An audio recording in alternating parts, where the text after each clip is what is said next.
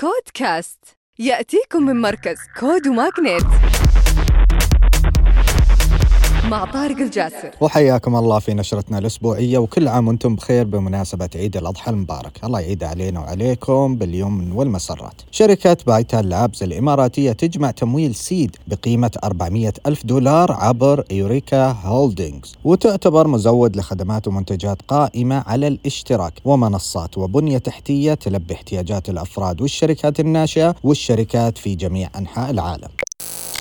أغلقت شركة الجورو السعودية للتكنولوجيا التعليمية جولة تمويلية seed بقيمة 1.8 مليون دولار بقيادة RZM Investment وري Investment وتهدف إلى تسهيل الوصول إلى العروض وتنوعها. كما تقدم للطلاب طريقة سلسة للتواصل مع مدرسين متخصصين وتسعى إلى توسيع نطاقها في المملكة العربية السعودية.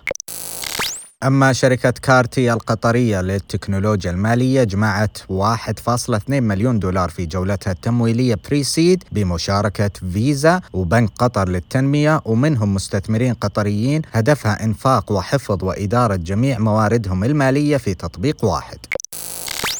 جمع تطبيق ياب المصرفي الرقمي الإماراتي 41 مليون دولار في جولته التمويلية بدعم من أوديسا Group و Astra Group وغيرهم من مكاتب الاستثمار العائلية. وتعمل هذه الشركة على تطوير تقنيات التطبيق ومنتجاته ودخول أسواق جديدة وإطلاق خدماته في السعودية ومصر.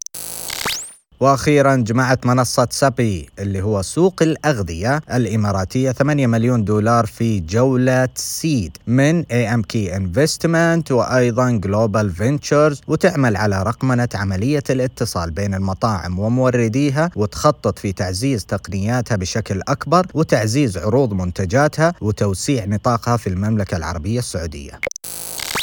ختاما تذكروا أن الابتكار هو أصل الريادة. كود كاست